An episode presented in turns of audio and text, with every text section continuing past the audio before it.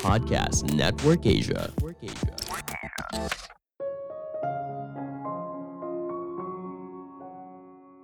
Rasa takut bisa menyelamatkan kita dari bahaya di masa depan. Halo semuanya, nama saya Michael. Selamat datang di podcast saya, Sikutu Buku. Kali ini saya akan bahas buku The Gift of Fear karya Gavin De Becker. Sebagai informasi, podcast Sikutu Buku sekarang bergabung dengan Podcast Network Asia dan Podmetrics loh. Sebelum kita mulai, buat kalian yang mau support podcast ini agar terus berkarya, caranya gampang banget kalian cukup klik follow.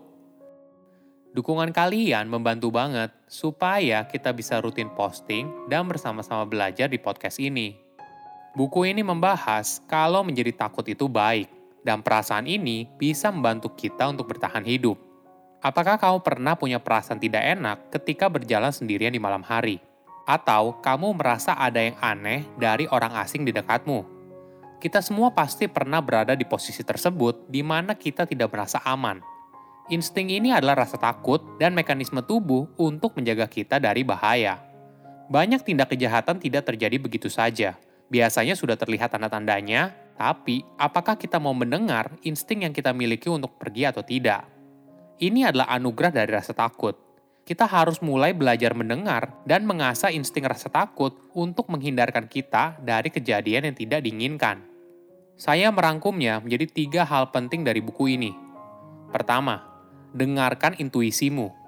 Setiap harinya kita dikelilingi oleh bahaya, tapi tentu saja kita tidak melihatnya. Namun, ketika ada bahaya yang mengancam, sistem pertahanan diri manusia akan menyala. Itu adalah rasa takut. Ini adalah perasaan tidak nyaman kalau hal buruk akan terjadi di masa depan. Di era perkembangan teknologi, kita terlalu banyak bergantung pada teknologi atau orang lain. Misalnya, kita bergantung pada kamera CCTV atau penjaga dan sebagainya.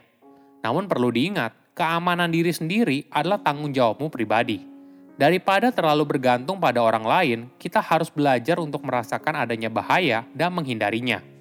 Gavin memberikan analogi seperti ini. Penjahat seperti predator dan seorang predator biasanya menangkap mangsa saat lengah. Tapi berbeda dengan predator di dunia hewan, predator manusia tidak mengincar makanan mereka biasanya mengincar soal kekuasaan. Jika kita selalu mawas diri, tentu saja kita bisa mencegah perilaku buruk terjadi. Saya jadi teringat kalimat yang selalu diungkapkan oleh Bang Napi di sebuah acara televisi.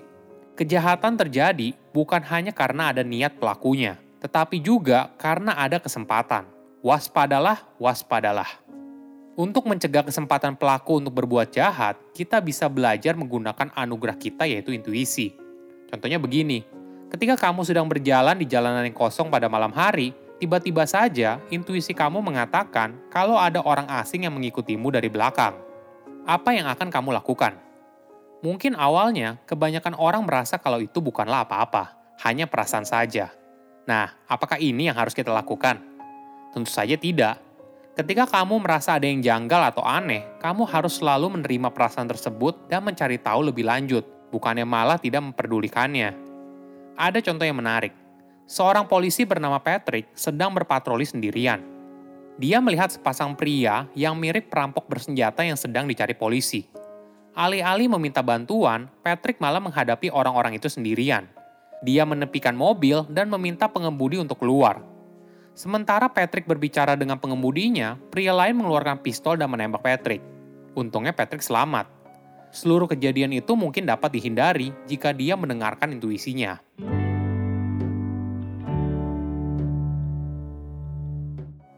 Kedua, membaca perilaku calon penjahat. Apakah kamu pernah ketemu orang baru tapi kok ramah banget ya? Ketika kamu percaya, malah kamu ditipu. Pernah nggak? Ini adalah taktik yang biasanya digunakan oleh para penjahat. Mereka biasanya berubah menjadi teman kita untuk mendapatkan apa yang mereka mau. Trik ini disebut sebagai force teaming. Jadi, si penjahat berpura-pura untuk menjadi teman dari si korban. Perlu kita pahami, ramah itu bukan berarti baik. Ramah adalah sebuah keputusan, sebuah strategi dalam interaksi sosial, namun bukan sebuah karakter. Terkadang, para penjahat berusaha bersikap ramah agar si korban percaya. Trik ini sering kali dilakukan sangat halus, oleh karena itu, kita harus mengasah intuisi agar mampu menangkap tanda-tanda dari si penipu. Ada sebuah contoh dari seorang wanita bernama Kelly yang sedang membawa tas belanjaan ke apartemennya ketika tasnya robek. Saat itu, dia membeli banyak makanan kucing, dan kaleng-kaleng itu berguling menuruni tangga. Seorang pria di tangga yang ada di bawah mengumpulkan kaleng-kaleng itu dan menawarkan bantuan untuk membawa makanan tersebut ke apartemennya. Secara intuitif, Kelly merasa takut dan mencoba menolak tawarannya. Tetapi pria itu bersikeras. Dia mengatakan kalau dia juga punya kucing untuk diberi makan. Ini adalah cara pria tersebut menggunakan force teaming. Beruntungnya, Kelly mendengarkan intuisinya dan menolak tawaran orang asing tersebut. Ternyata, pria itu adalah pemerkosa dan pembunuh. Kelly nyaris saja tidak berhasil melarikan diri. Apakah kamu pernah bertemu seseorang tapi merasa terintimidasi? Entah kamu sadar atau tidak, ini adalah cara seorang menggunakan bahasa tubuh untuk memberikan sinyal kepada orang lain. Orang yang cenderung kasar biasanya terlihat melebarkan lubang hidungnya. Selain itu, mereka tampaknya selalu menatap atau melototi kamu dengan tajam. Ini adalah beberapa tanda bahaya yang bisa kamu perhatikan. Cara lainnya yaitu dengan menggunakan rasa empati. Jadi, ini merupakan kemampuan untuk menempatkan diri kamu pada posisi orang lain. Jika kamu dapat mengetahui emosi apa yang dirasakan seorang, maka kamu dapat menganalisis resiko yang mungkin ditimbulkannya dengan lebih akurat. Contohnya begini, kamu menerima email yang berisi kemarahan dari seorang karyawan yang baru saja kamu pecat. Jika kamu berusaha berada di posisinya, maka kamu akan berusaha mencari tahu apa tujuan dari email tersebut. Jika karyawan itu tidak senang dan ingin pekerjaannya kembali, mungkin dia tidak akan berbuat kasar. Namun, jika dia malah ingin membalas dendam, maka kamu perlu hati-hati.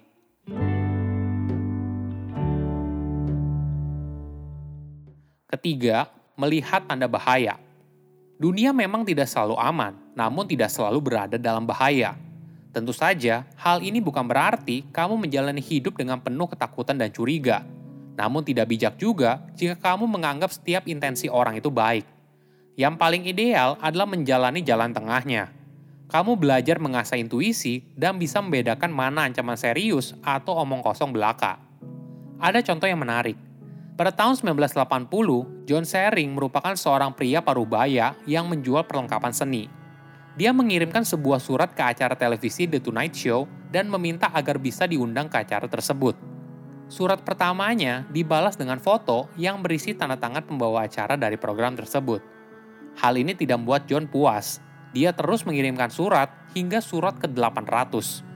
Di surat tersebut tidak ada nada mengancam. Namun, John hanya meminta agar bisa diundang ke acara The Tonight Show. Hingga akhirnya, produser acara tersebut yakin kalau John tidak berbahaya dan mengundangnya hadir ke studio. Di hari tersebut, pembawa acara The Tonight Show bertanya kepada John, apakah dia akhirnya akan berhenti menulis surat dari sekarang. John pun setuju dan tidak mengirimkan surat lagi. Menjadi takut itu baik. Itu adalah reaksi tubuh alamiah yang bisa menghindarkan kita dari bahaya di masa depan. Saya undur diri, jangan lupa follow podcast Sikutu Buku. Bye-bye. Pandangan dan opini yang disampaikan oleh kreator podcast, host, dan tamu tidak mencerminkan kebijakan resmi dan bagian dari podcast Network Asia. Setiap konten yang disampaikan mereka di dalam podcast adalah opini mereka sendiri dan tidak bermaksud untuk merugikan agama, grup etnik, perkumpulan, organisasi, perusahaan, perorangan, atau siapa pun dan apa pun.